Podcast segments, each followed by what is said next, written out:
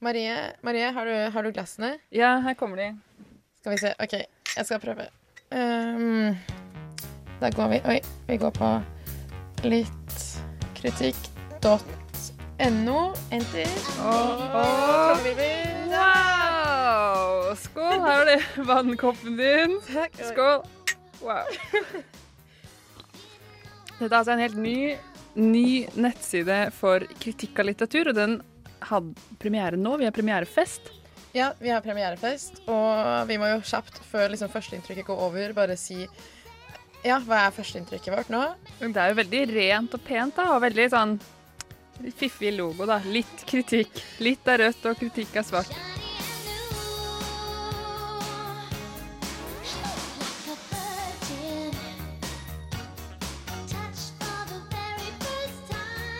Og så er det det derre uh, tegnet Ja, er det et komma, eller noe Nei. sånt? Nei. som Men som er på en måte en liten rød djevel, da. Så her uh, er det no mercy. No. Mm. De har lansert nå eh, Vi har ventet i spenning på lansering av disse anmeldelsene. Vi kan begynne med den første. Ja. Elegisk science fiction er tittelen. Dette er Maria Dorthea Schratzenholz med atlaspunkt.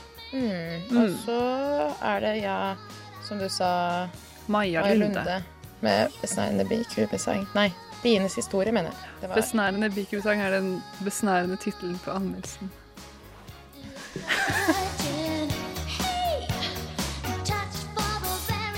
Skål for det!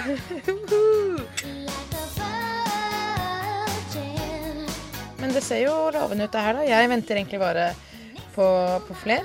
Ja, og kanskje nå eh, Disse er jo ganske positive, disse anmeldelsene, så vidt jeg kan se, da.